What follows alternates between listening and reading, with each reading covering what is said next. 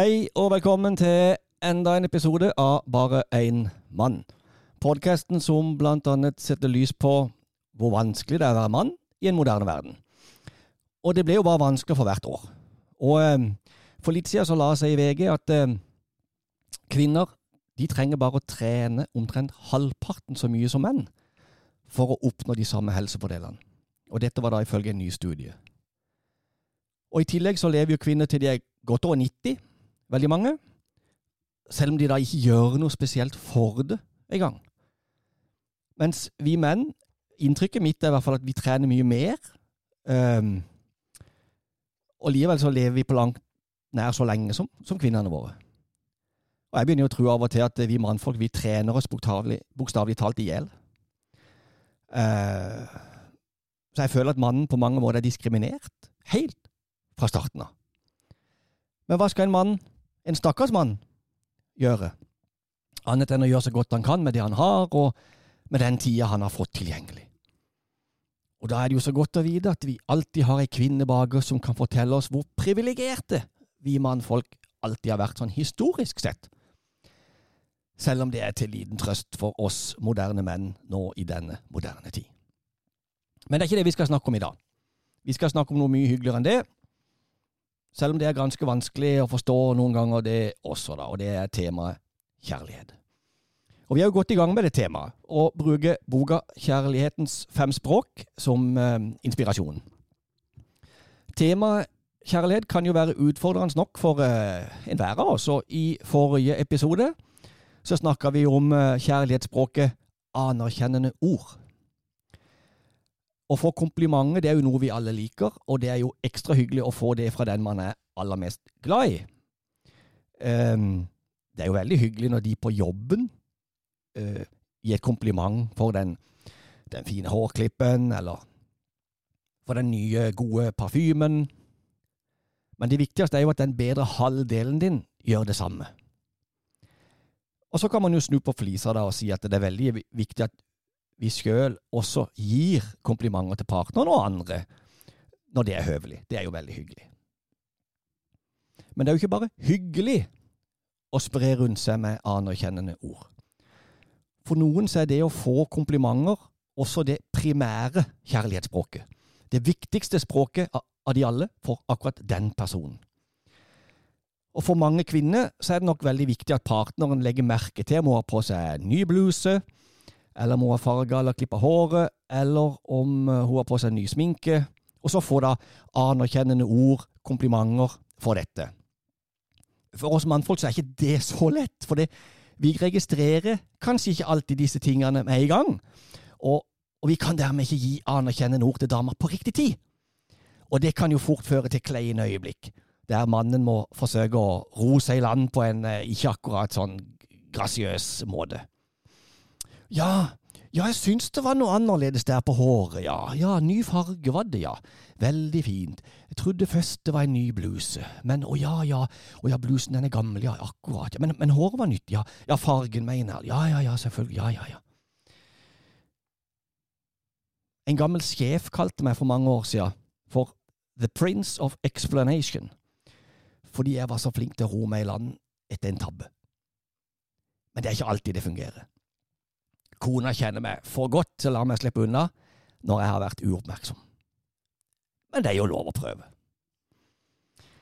Men selv om det nok er viktig da, for, for kvinner, eh, alle disse komplimentene, så er, så er sannsynligvis da anerkjennende ord ikke det primære kjærlighetsspråket for de fleste av de. Det er nok heller et supplerende språk. Eh, men hvis det hvis anerkjennende ord ikke er det viktigste kjærlighetsspråket for kvinner, hva kan det da være? Så hopp inn, bli med i episoden der vi tar for oss kjærlighetsspråk nummer to og kjærlighetsspråk nummer tre. Og så ser vi om vi kanskje blir litt klokere etter det. Vi begynner med kjærlighetsspråk nummer to, som heter Tid for hverandre.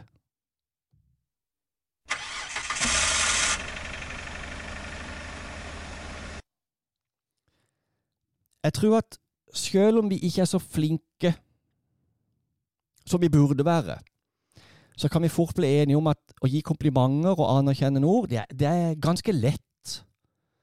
Man trenger jo nesten ikke å tenke seg om engang.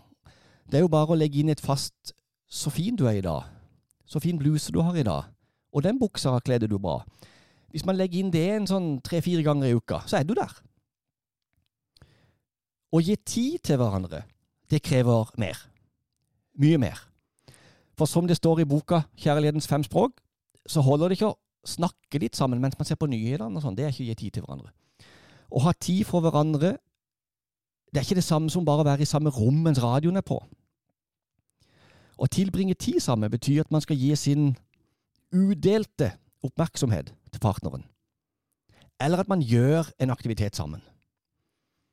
Hvis man uh, sitter og prater, så kan man ikke ha ett øye på TV-en eller ett øre på radioen. Og, og, ikke hvis intensjonen er å gi oppmerksomhet.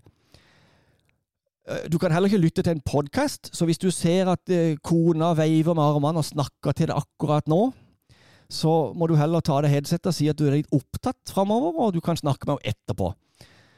Og hvis du ser at hun blir litt småhissig, så er det kanskje best at du bare pauser hele podkasten, og så får du høre, litt, høre videre litt seinere. For da trenger kona di noen å snakke med, noen å tilbringe tida sammen med. Poenget er at det skal være udelt oppmerksomhet. Der du viser interesse for han, eller, eller henne, da, og bryr deg om synspunktene som kommer fram om et eller annet tema. Eh, og man kan også gjøre, som nevnt, aktiviteter sammen. Eh, og selv om man da ikke gir hverandre udelt oppmerksomhet, så er man jo sammen om det. Eh, hvis man går på f.eks. en konsert, så kan man ikke dele oppmerksomhet med dama hele tida. Og man kan ikke gi dama udelt oppmerksomhet under en hel skitur heller. Men man trenger ikke å gå og ligge 200 meter foran noe i løypa til enhver tid. Man skal, jo, man skal jo være sammen på skituren. Uh, sitter man i sofaen og prater, så bør jo tankene helst ikke vandre for mye heller. Ikke øynene heller. Hvis øynene begynner å flakke, så kan det tyde på at du mister interessen i det partneren snakker om. Og etter hvert også da interessen for selve partneren, og det kan jo føre til unødvendige problemer der i sofaen etter hvert. Men jeg tror at vi kan være enige om at det å gi tid til hverandre ofte kan være mer krevende enn å bare gi anerkjennende ord. Uh, spesielt om du har små barn som krever sin oppmerksomhet også. Og, og spesielt vanskelig da er det nok for oss mannfolk. For å, ha tid til hverandre er ofte et viktigere kjærlighetsspråk for kvinner enn for menn. Det er min påstand. Vi menn vi, vi vil oftere heller ha litt tid for oss sjøl. Det tror jeg i hvert fall. Nå er det ikke sånn at jeg ikke liker å være sammen med kona mi, uh, men jeg tror ganske sikkert at jeg er mye flinkere til å underholde meg sjøl enn det hun er. Jeg kan godt ligge på senga og se på TV. Jeg kan godt gå ei hel helg uten å treffe andre. Jeg har ikke behov for å gå i alskens butikker. Um, kona er nok ikke helt der. Det kan fort bli dyrt hvis kona begynner å kjede seg, eller hvis hun må være mye alene. Og kanskje kona, eller kvinner, bare er mer uh, sosiale vesener enn menn. Uh, mange menn de tusler ut i garasjen hvis de kjeder seg. Kanskje det er noe de kan fikle med og styre med der. Og de kan godt gjøre det alene.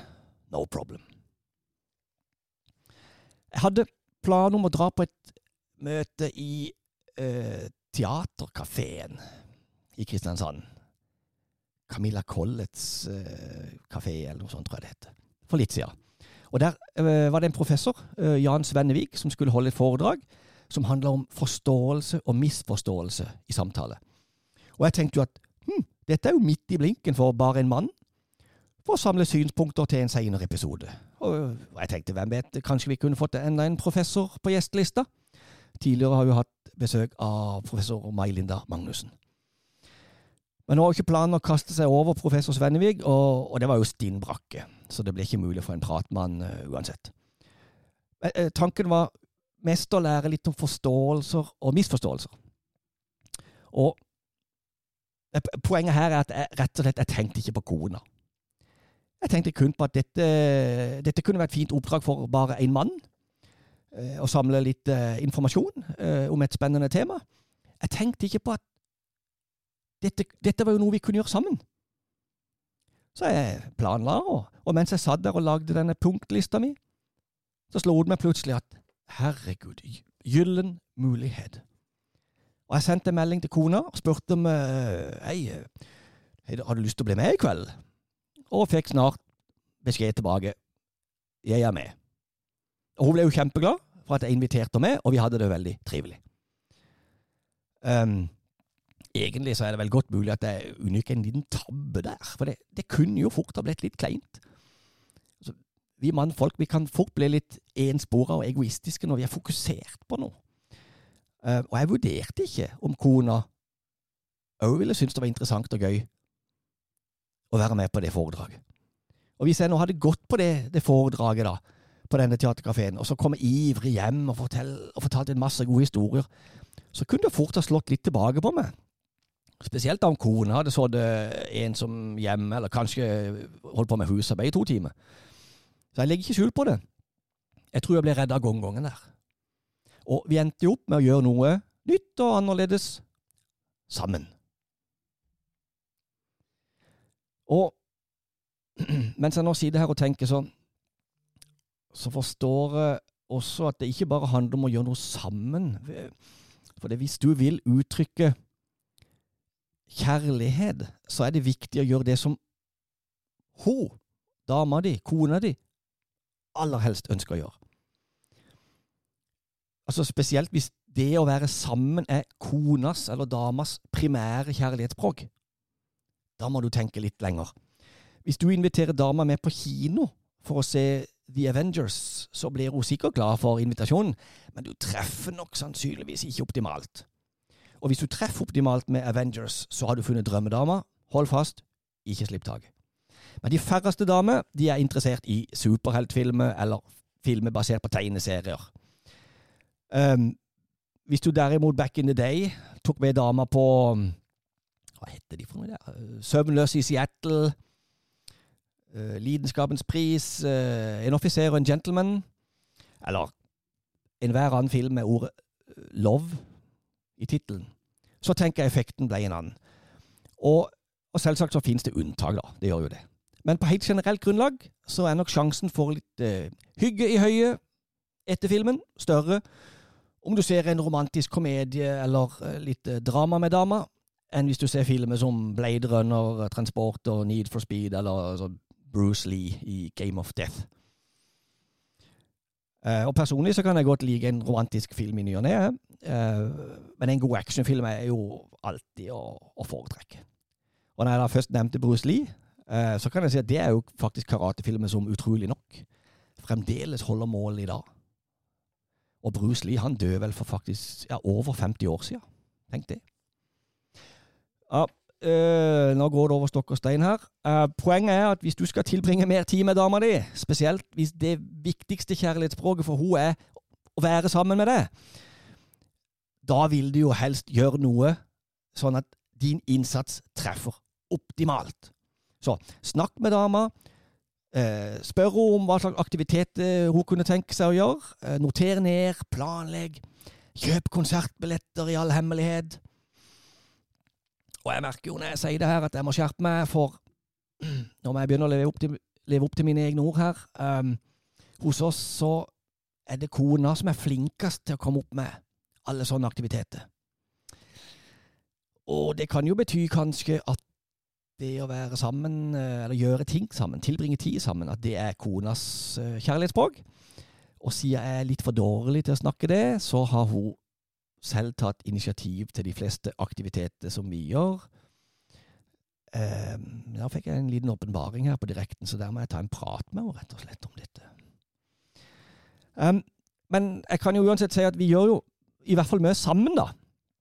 Om det er hun som tar initiativ eller meg, så gjør vi i hvert fall mye sammen. Og, og hjemme hos oss kan vi sitte og se på Netflix eh, og faktisk føle at det er en aktivitet. Og Da ser vi noen ganger på en film eller en serie som passer noen ganger meg best, og så velger kona mange ganger noen spanske serier som hun har lyst til å se. Men da blir, jeg, blir jeg med. Da ligger vi der i senga og ser på Netflix og holder hender. Veldig ofte blir det en serie som, som vi begge digger, og som vi begge gleder oss til. Så å se en digg Netflix-serie sammen, det er heller ikke å forakte de. Og så er det viktig å si at nå snakker jeg jo til alle menn der ute, da, men det går, jo, det går jo begge veier, det her. ikke sant? Hvis du er kvinne, og så ønsker du å bruke dette kjærlighetsspråket mot mannen din, hvis hans primære kjærlighetsspråk er å, tilbringe tid sammen med deg, så kan jo du invitere han først til f.eks. Burger Bordello, og så på kino for å se den siste Mission Impossible-filmen. Det tror jeg mange menn eh, eh ville likt. Og hvis du derimot er en mann som vil invitere dama di, så er kanskje først en tur til eh, Le Monde for litt deilig tapas, og deretter en romantisk komedie. Det er kanskje det som er tingen. Da blir det terningkast seks. Kanskje du kan stryke ordet terningkast i den setninga òg. Men husk å sprinkle det hele litt med det første kjærlighetsspråket. da, sånn når man skal, kanskje ut sammen en kveld og tilbringe tid sammen, så, så liksom begynner du med å liksom si så, så, fin du er i dag, så vakker du er i dag, fin bluse du har, og fin kjole og sånn. Eller eh, du kan si å, jeg syns det er veldig fint når du har håret opp sånn. Det er alltid en god start på, på daten. Da blir det en fin kombo av kjærlighetsspråk som, som forholdet da kan seile i medvind på en stund til. Så husk at det er viktig å inkludere alle kjærlighetsspråkene, ikke bare det ene som du da identifiserer som det, det primære og viktigste kjærlighetsspråket. Selv om det primære er viktigst, så er alt viktig. Og kanskje vi skal nevne noen eksempler her til andre ting som man kan gjøre hvis man eh, vil ha tid med hverandre.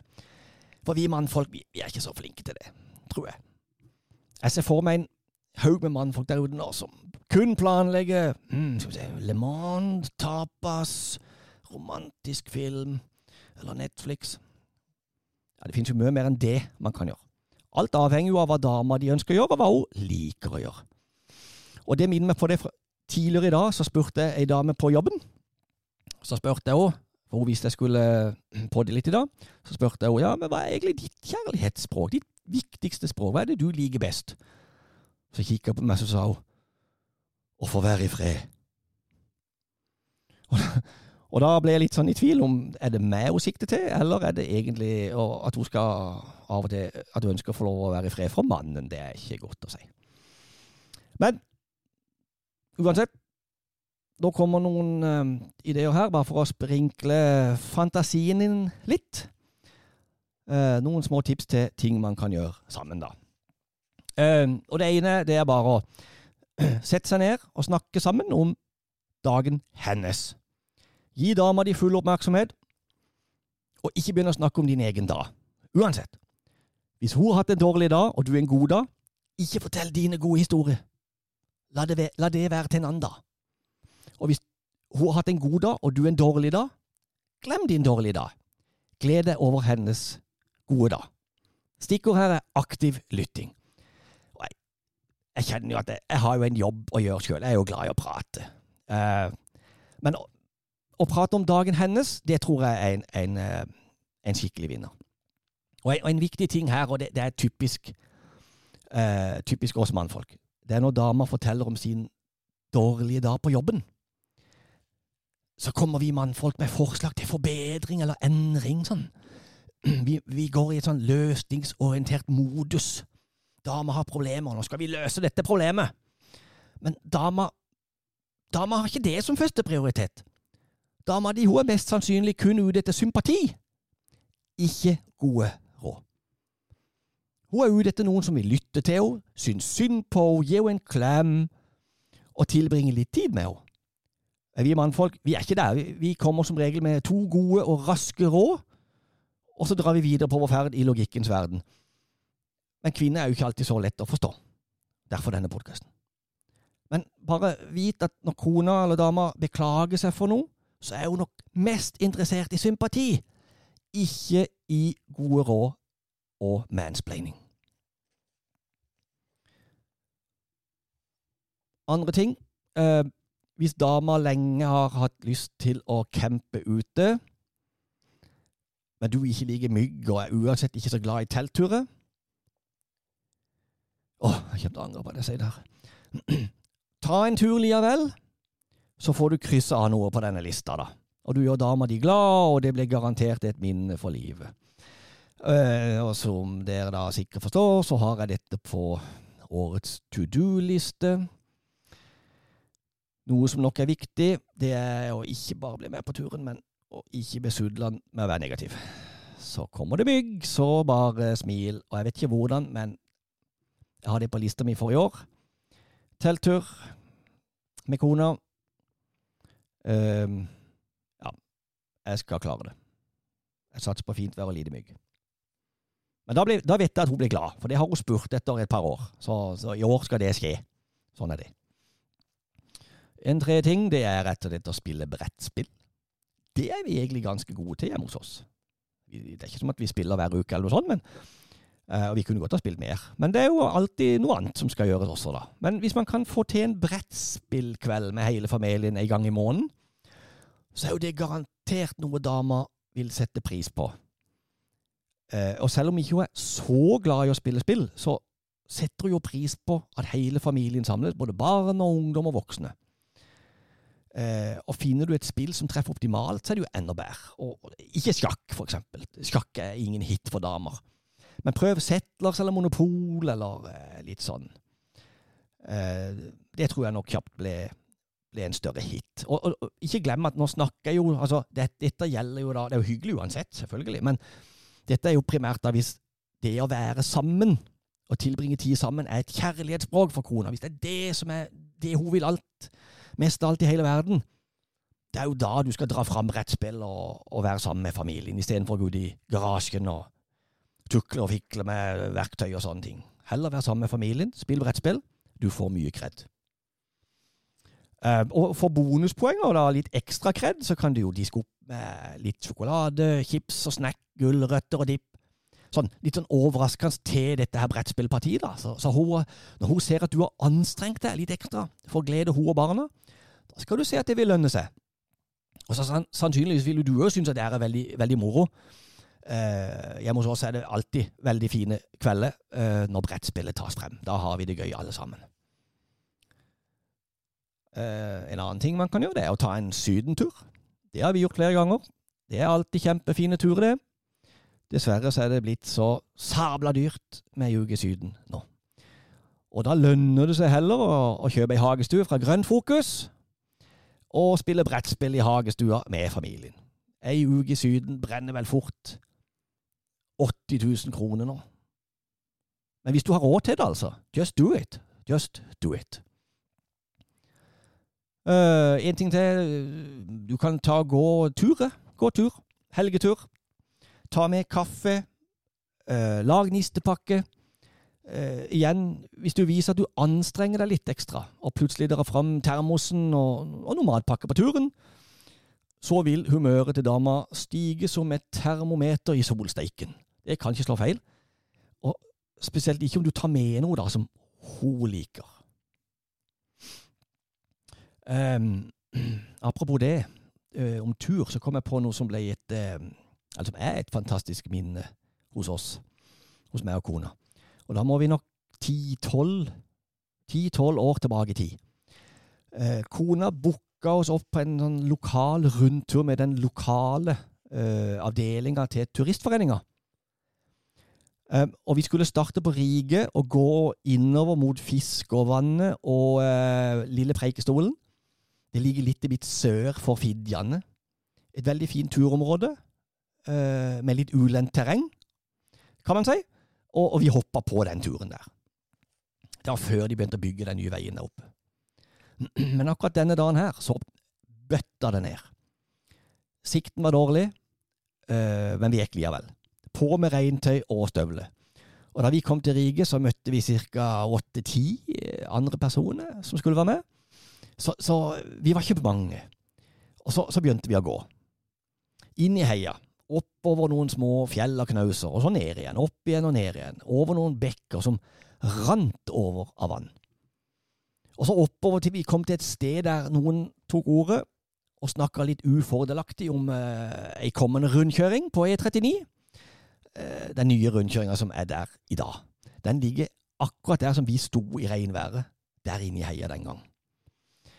Og etter å ha hørt på alle disse talene da, og miljøvern og, litt sånn, så gikk vi videre. Og om ikke lenge så ble det tid for matpause. Og så sto vi inn til et fjell eh, for å få noe le for regn og vind, men det var nytteløst. Matpakka ble ja, den var klissblaut. Brødet var som om det var dyppa i vann. Men det smakte fantastisk. Og kaffen, den var varm. Selv om han ble raskt tynna ut litt av regnet der. Og vi sto egentlig og, og lo hele gjengen mens vi sto der og spiste, for det var, det var rett og slett nesten ikke til å være ute. Det regna kattunger, og med litt vind så ble det en tur for evigheten. Og etter hvert så kom vi da liksom helt tilbake igjen eh, på denne runda. Eh, etter ca. en tre timer, vel, var vi tilbake med bilen igjen. Fullstendig klissblaute. Jeg hadde på meg noe regntøy som Ja, det tålte tydeligvis bare yr, ikke regn. Helt klissblaut. Og vi sto på parkeringsplassen der på Rige og kledde av oss nesten alt vi hadde, mens vi sto og lo. Eh, jeg kjørte hjemover i støvler og underbukse. Og ganske greit, rett og slett, at politiet de var innendørs den dagen. Og til denne dag, og sikkert for resten av livet, så er dette et av de beste minnene som jeg har sammen med kona. Det ble så absurd at vi to våger oss ut i sånt vær, for vi er ikke så glad i regn, noen av oss. Men det ble en helt fantastisk tur. En tur vi gjorde sammen, og vi har aldri angra på det. Eh, et, et, et, siste forslag til hva familie kan gjøre sammen. Det nå er gått litt forbi oss her nå, men, men det er jo mange som fremdeles har eh, små barn. Kanskje med har barnebarn. Da skal man gjerne finne på noen aktiviteter.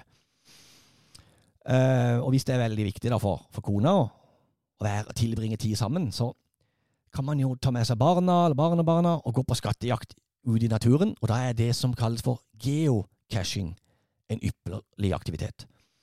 Da kan du laste ned en app Eh, så går du på tur, og så leter du etter en sånn markert post, der du tar det som andre har lagt igjen, og så legger du igjen noe sjøl. Så at du henter en, eh, en, liten skatt, om du vil, og så legger du ned noe til de neste som kommer. da. Det kan være en, en liten leke, eller en penn, eller en pakke tyggis, eller hva som helst.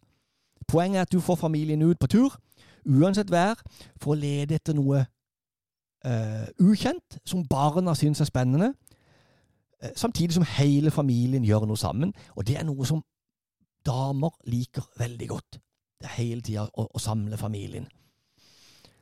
Um, jeg var just på et foreldremøte, og da var det en, en foredragsholder som uh, han at han hadde voksne barn nå. Uh, han var jo nesten pensjonist, han hadde voksne barn, og, og de bodde på en annen plass i landet. Og når de skulle hjem en tur, så skulle de alltid hjem til mamma og de. Til mamma og de, som han sa. Hvem tror du de er? Ja, det er jo meg. Så det er alltid mamma og de. Vi skal ikke hjem til pappa og de. Så det å tilbringe tid sammen, det er, det er tydelig at det er noe damer foretrekker, rett og slett mer enn menn.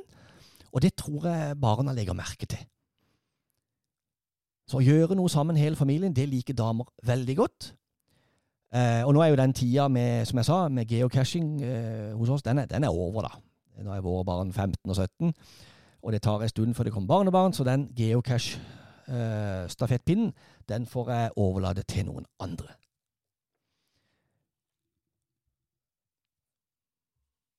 Så står det mye mer i kapitlet om tid for hverandre i denne boka, Kjærlighetens fem språk. Men jeg føler vi har dekka det meste, det viktigste. Jeg håper du har tatt poenget her. Uh, har du det, så kan vi heller gå videre til neste tema og neste kjærlighetsspråk. Og det heter nemlig å ta imot gaver. I love you. Før jeg begynte å lese kapitlet om uh, kjærlighetsspråk nummer tre, så hadde jeg allerede danna meg opp ei mening om hva dette kunne være. Og jeg så for meg ei dame som aller mest på denne jord likte å få diamantringer, gull, øredobber, diademer og sportsbiler.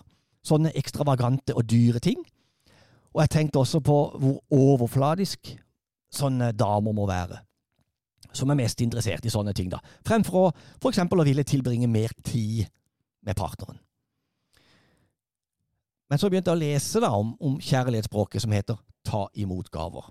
Og det var ikke det jeg trodde det skulle være, heldigvis. Å gi og motta gaver, det er, eh, det er, et uttrykk Det er et uttrykk for kjærlighet. og det er et sånn universelt uttrykk som strekker seg over alle slags kulturbarrierer. Uansett om du reiser til uh, Sibir, Patagonia, Det fjerne Østen eller uh, Tsjad, så vil du nok oppdage at det å gi gave, det å motta gave, det er da et, et, et universelt uttrykk for kjærlighet veldig ofte, og gjelder da altså hvor enn du drar. Og da har jeg nok en selvopplevd historie å fortelle om, det om utveksling av gaver. Eh, og det skjedde ikke med, med ei dame. Eh, så eh, her er det ikke liksom bare det av kjærlighet, men det rett og slett utveksling av gaver, hva, hva, det kan bety. Og i 1994, det er ganske lenge siden nå, da jobba jeg som reiseleder i Gambia, Afrika, for eh, turoperatøren Spis Kjæreborg.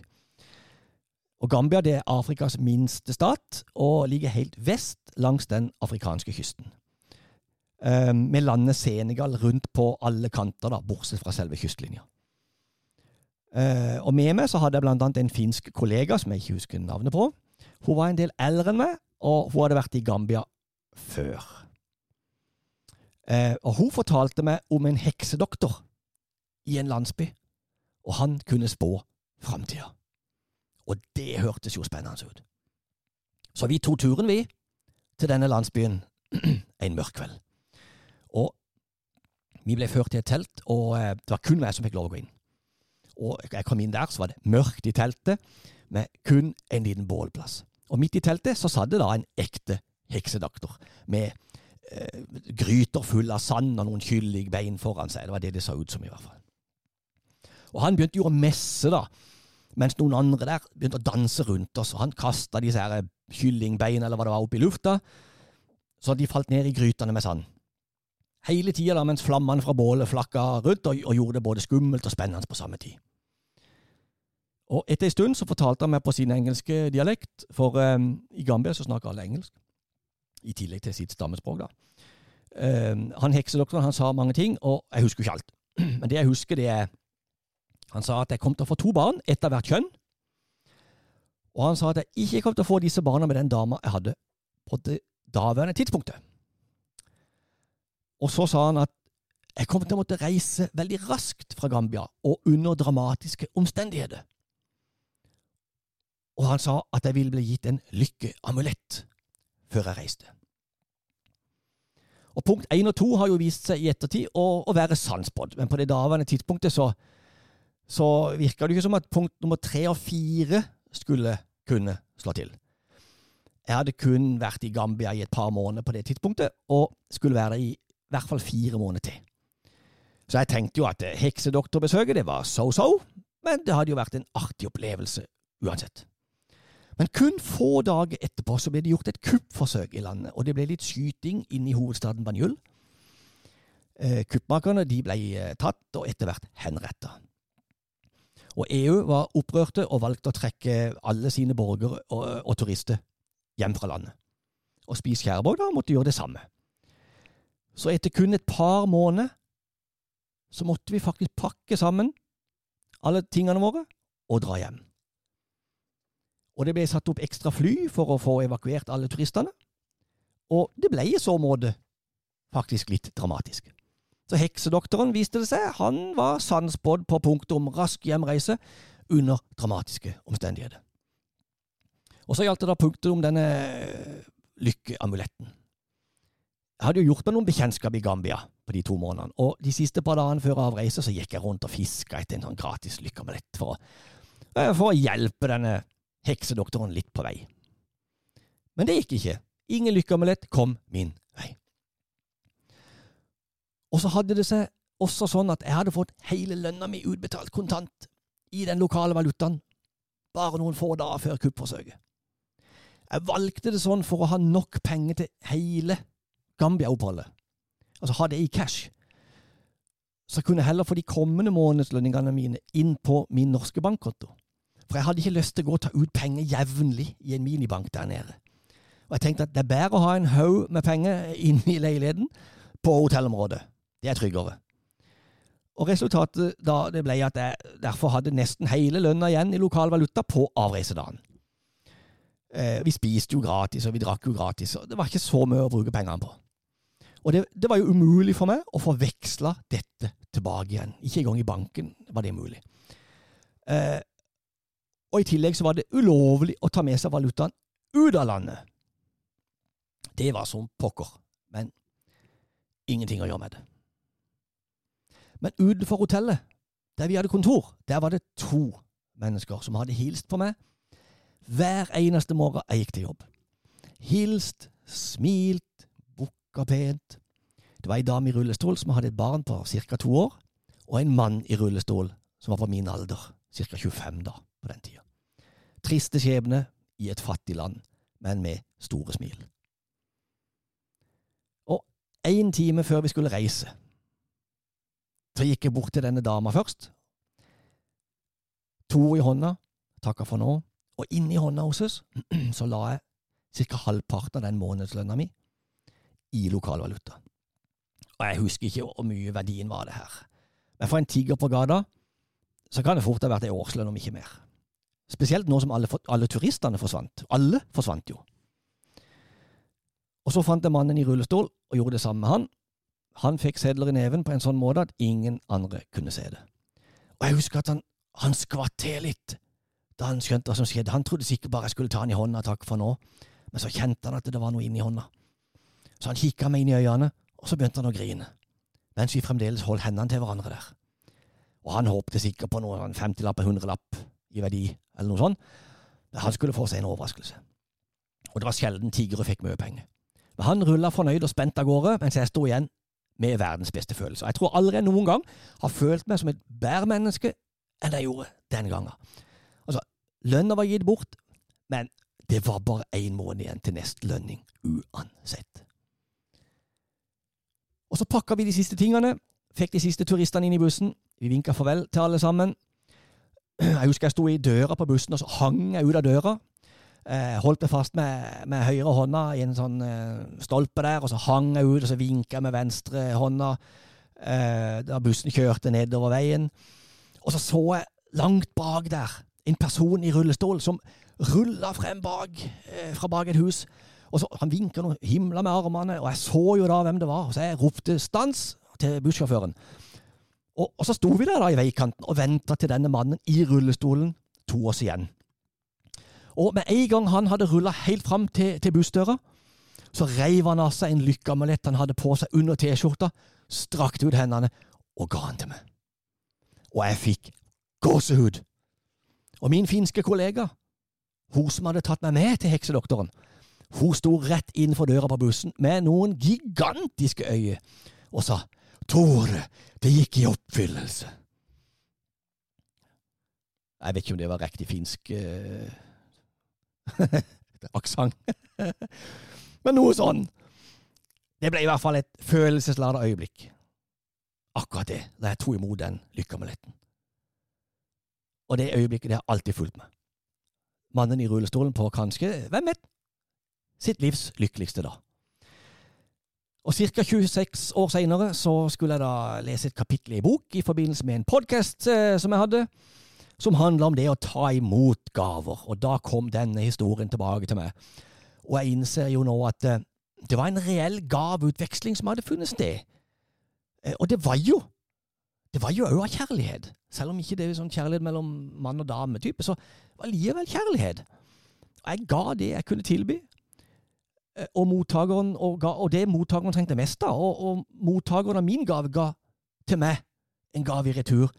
Sannsynligvis det jeg hadde mest bruk for, nemlig lykke på veien gjennom livet. Og en heksedoktor hadde forutsett det hele. Og denne lykkeamuletten den gikk jeg med hver dag i mange år. Eh, men fiskescena, som alle perlene og, og småskjellene hang på, gikk i stykker. Så jeg fikk fiksa den, men, men, valgte å legge den bort. da. Men jeg har den fremdeles. Eh, og jeg skal se om jeg ikke kan få tatt bilde av den, og så legge den ut, så det er den som kan liksom være bildet til denne episoden. Det kan dere se. Og det er fremdeles en av de fineste gaver jeg noensinne har fått.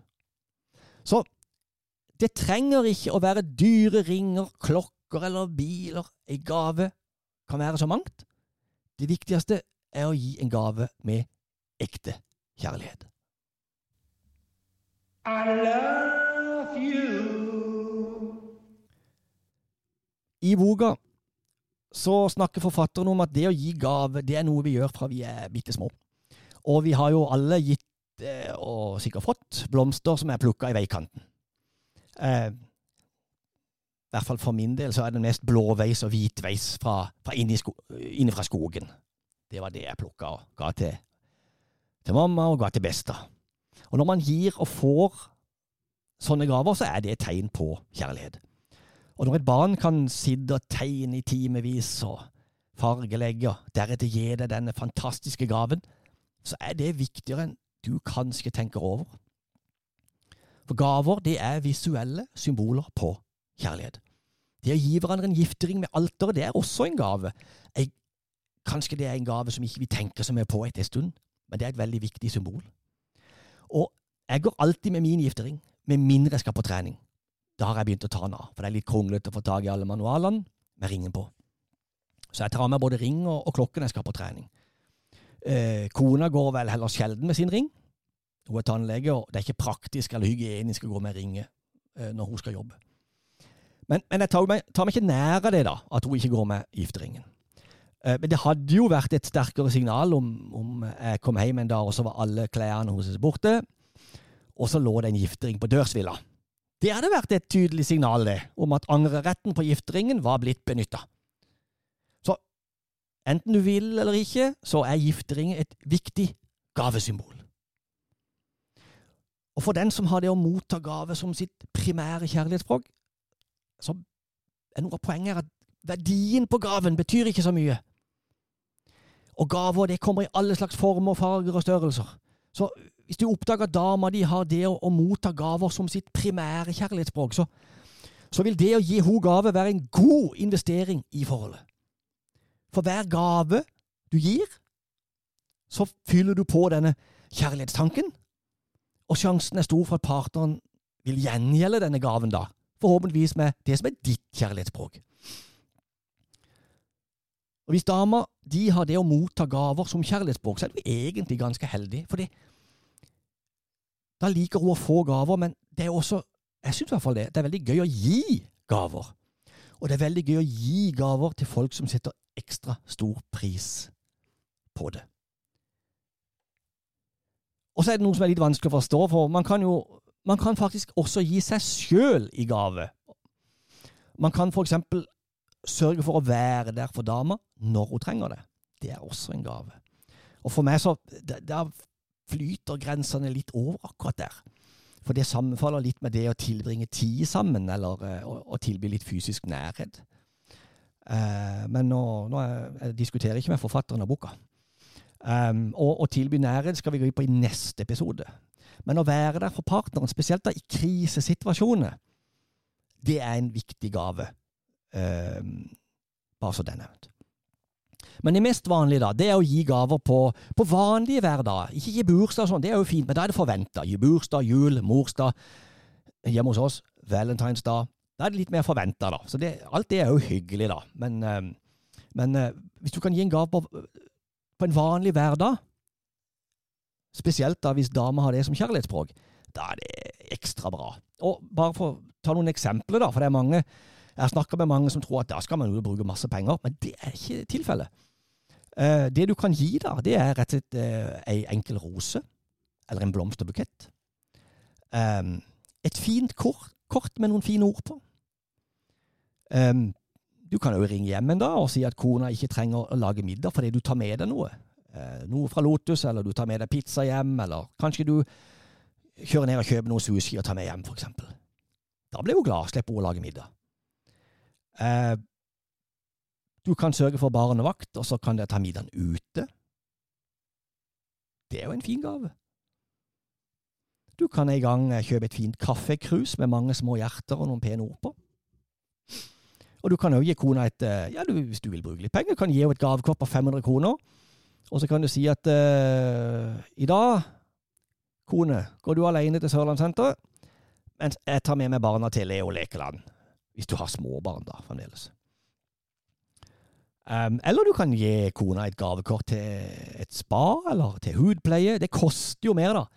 Men takknemligheten varer jo, jo, lenger. Men det trenger ikke å være noe som koster mye penger. Det gjør ikke det. Uh, Ei dame jeg snakker med, hun har nærhet som sitt primære kjærlighetsspråk. Det, og det skal vi da snakke om i neste episode. Men et par ganger i året så smeller den, den månedlige syklusen til. Mye hardere enn vanlig. Da sa hun at da blir det noen tøffe dager. Men da, da går alltid mannen hennes ut på eget initiativ, og så kjøper han mørk sjokolade og Ferrero Rocher til kona. Det har hun lagt merke til, og det er noe hun setter utrolig pris på. For hun vet at han gjør det ut av kjærlighet til henne, og han gjør det på eget initiativ. Det var noe han, han, han fant ut at det, det, jeg må gjøre noe for henne, for hun har det ikke noe greit nå. Så, selv om ikke det er hennes primære kjærlighetsspråk, så er det akkurat kanskje de par gangene i året, så blir det det. Og så ble hun utrolig glad for akkurat det. Og hvis du er litt smart, så kjøper du en liten ting til dama di, og når du gir tingen, så sier du 'Jeg så den i butikken, og så tenkte jeg på det'. Vet, Det kan ikke slå feil, med mindre du kjøper deg en gryte eller en skurebørste. Så ikke gjør det. Ikke gjør det. Så gaver, det trenger altså ikke å være kostbare. Eh, og man trenger ikke gi gave hele tida. Ikke engang om det å få gave er det primære kjærlighetsspråket. For man kan jo, man bør jo, også bruke de andre kjærlighetsspråkene innimellom. For variasjon er jo livets krydder. Eh, Poenget er, først, altså, poenget er at når du først gir en gave, da skal den være et uttrykk for at du elsker den du gir den til. Det er jo det som er hele poenget her. Hvis dama di begynner å føre ei liste da, og, og sier at det, det er uakseptabelt at gavene liksom får mindre verdi med tida, må du heller få deg en ny dame, for da er jo bare griska grådig, og det har ikke noe med kjærlighet å gjøre. Og Da tenkte jeg skulle fortelle enda en egenopplevd uh, historie om det å gi gaver som ikke koster noe, men som betyr masse. Og det er at da den colombianske kona mi kom til landet for mange år siden, så gikk kommunikasjonen på engelsk. I tillegg så var det en del kulturelle barrierer som vi to måtte overkomme. Så både språklige og kulturelle hindringer lå i min vei daglig. For den nye kona mi så var det å sette pris på hverandre noe som måtte bli mye tydeligere. Og jeg som Vendel hadde ikke ferdigutvikla følehorn og antenner sjøl om jeg var blitt over 30. Det var noen skjær i sjøen og humper i veien av og til. Og kona mi hun, hun var langt hjemmefra, hadde hjemlengsel. Så det var noen barrierer der jeg måtte jobbe med. Men så en dag så traff jeg blink da jeg var på en bokhandel. Så fikk jeg den ideen. Og så kjøpte jeg fire-fem pakker med sånne rosa, hjerteformede Post-It-lapper. Og mens kona var på skolen for å lære seg norsk, så satt jeg hjemme i mange timer og skrev små meldinger på Post-It-lappene. Og da skrev jeg You are my number one. Og på neste lappen skrev jeg I love you. Så ble det You are beautiful. You are my heart. My heart belongs to you. Og så videre og så videre og så videre. Og etter hvert eh, ble det nok noe kopiering, for det å komme på 300 sånne småsetninger, det er ikke lett. Og da jeg var ferdig, så begynte jeg å klistre disse lappene, Post-It-lappene, hjerteformede sådan. Begynte å klistre de opp overalt. Jeg klistra de opp inn i toalettskapet, medisinskapet, klesskapet, under toalettlokket, under ramma til og med. Eh, Og kona hadde jo flere vesker, og jeg la en lapp i hver lomme i hver veske. Eh, Jeg la hjerteforma lapp i alle jakkelommer, i alle jakker. Eh, I nattbordskuffer, eh, inn i gryteskapet, alle andre skuffer. Ja, under TV Nei, gud vet. Vi hadde ikke så, så stor leilighet heller. Så you name it, og det var en hjerteforma Post-It-lapp der. Overalt! Og i tillegg så var det mange lapper på speilene inne i leiligheten og på garderobeskapet inne på soverommet når hun kom hjem da den første dagen. Og Hun begynte jo etter hvert å finne alle disse lappene, da. Ikke bare de som var veldig synlige, men de som også var gjemt. da. Eh, og Hun syntes jo det var kjempegøy og kjempefint. Og Hun fant jo ja, hun fant jo da de synligste først, da, men det her holdt jo på i, i mange dager. Jeg tror hun fant mange lapper etter mange måneder òg, for noen jakker og noen vesker de bruker jo bare på sommeren. Så det tok jo noen måneder. Dette var på vinteren, så det tok flere måneder. Og så når hun plutselig dro fram sommerjakka, så jøss, der var det en Post-It-lapp, hjerteforma. Og der i veske, jøss, der var det en hjerteforma Post-It-lapp. Så da, hun syntes jo det var kjempefestlig. Og jeg tror jo det er godt mulig at de som bor i den leiligheten i dag, fremdeles finner noen lapp ifra meg. Og sånne, en sånn aktivitet, det er også en gave. Det må i høyeste grad ses på som en gave. En gave som uttrykker ekte kjærlighet. En gave som kosta meg utrolig lite. Det var fem blokker med Post-It. Jeg har jo ikke peiling om det kosta på den tida en 50-lapp eller 100-lapp. Men det betydde veldig mye mer.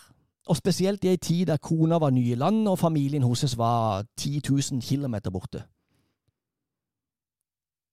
Og jeg vet ikke om det å motta gaver på det tidspunktet var det primære kjærlighetsspråket til kona. Det er ikke sikkert det var det, men alle damer liker å få gaver, så det var uansett ikke skivebom.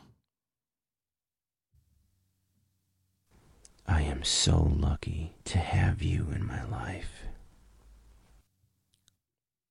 Jeg kan ikke huske om jeg skrev det på Post-It-lappen, men eh, det er mulig for at jeg gjorde det jo. Vel, da har vi kommet gjennom to kapitler til, og vi har nå fått dekka de tre første kjærlighetsspråkene. Anerkjennende ord, tid for hverandre og ta imot gaver. Og det hadde vært gøy med litt tilbakemeldinger nå på Instagram. Alfakrøll, bare én mann. Eh, skriv gjerne inn hva mannen eller kona har for kjærlighetsspråk, så vi kan finne ut av hva som er mest vanlig. For det er jeg litt nysgjerrig på. Så, eh, så det hadde vært veldig fint. Men ikke glem at vi, har, vi mangler to språk. Så det er mer å glede seg til her. Eh, I neste episode skal vi ta for oss de to siste kjærlighetsspråkene, som er tjenester og fysisk berøring. Og det kan jo bli heftig. Og så håper jeg etter det igjen å ha en episode med gjester i studio. Jeg har allerede fått med meg én, ei dame. Eh, og da kan vi ha en dialog om alle kjærlighetsspråkene, og kanskje få, svar, få noen svar på hva som er viktigst. Poenget her er jo at vi skal lære noe, alle sammen, og dermed bli litt flinkere til å, til å forstå dama vår. Eh, kanskje vi kan knekke noen av disse viktige kodene fremover som damer alltid benytter seg av, samtidig som vi da fyller opp kjærlighetstanken. Det hadde vært noe. Da gjenstår det bare takk for følget. Del podkasten med alle venner og fiender. Ha en god dag, og vi høres i framtida.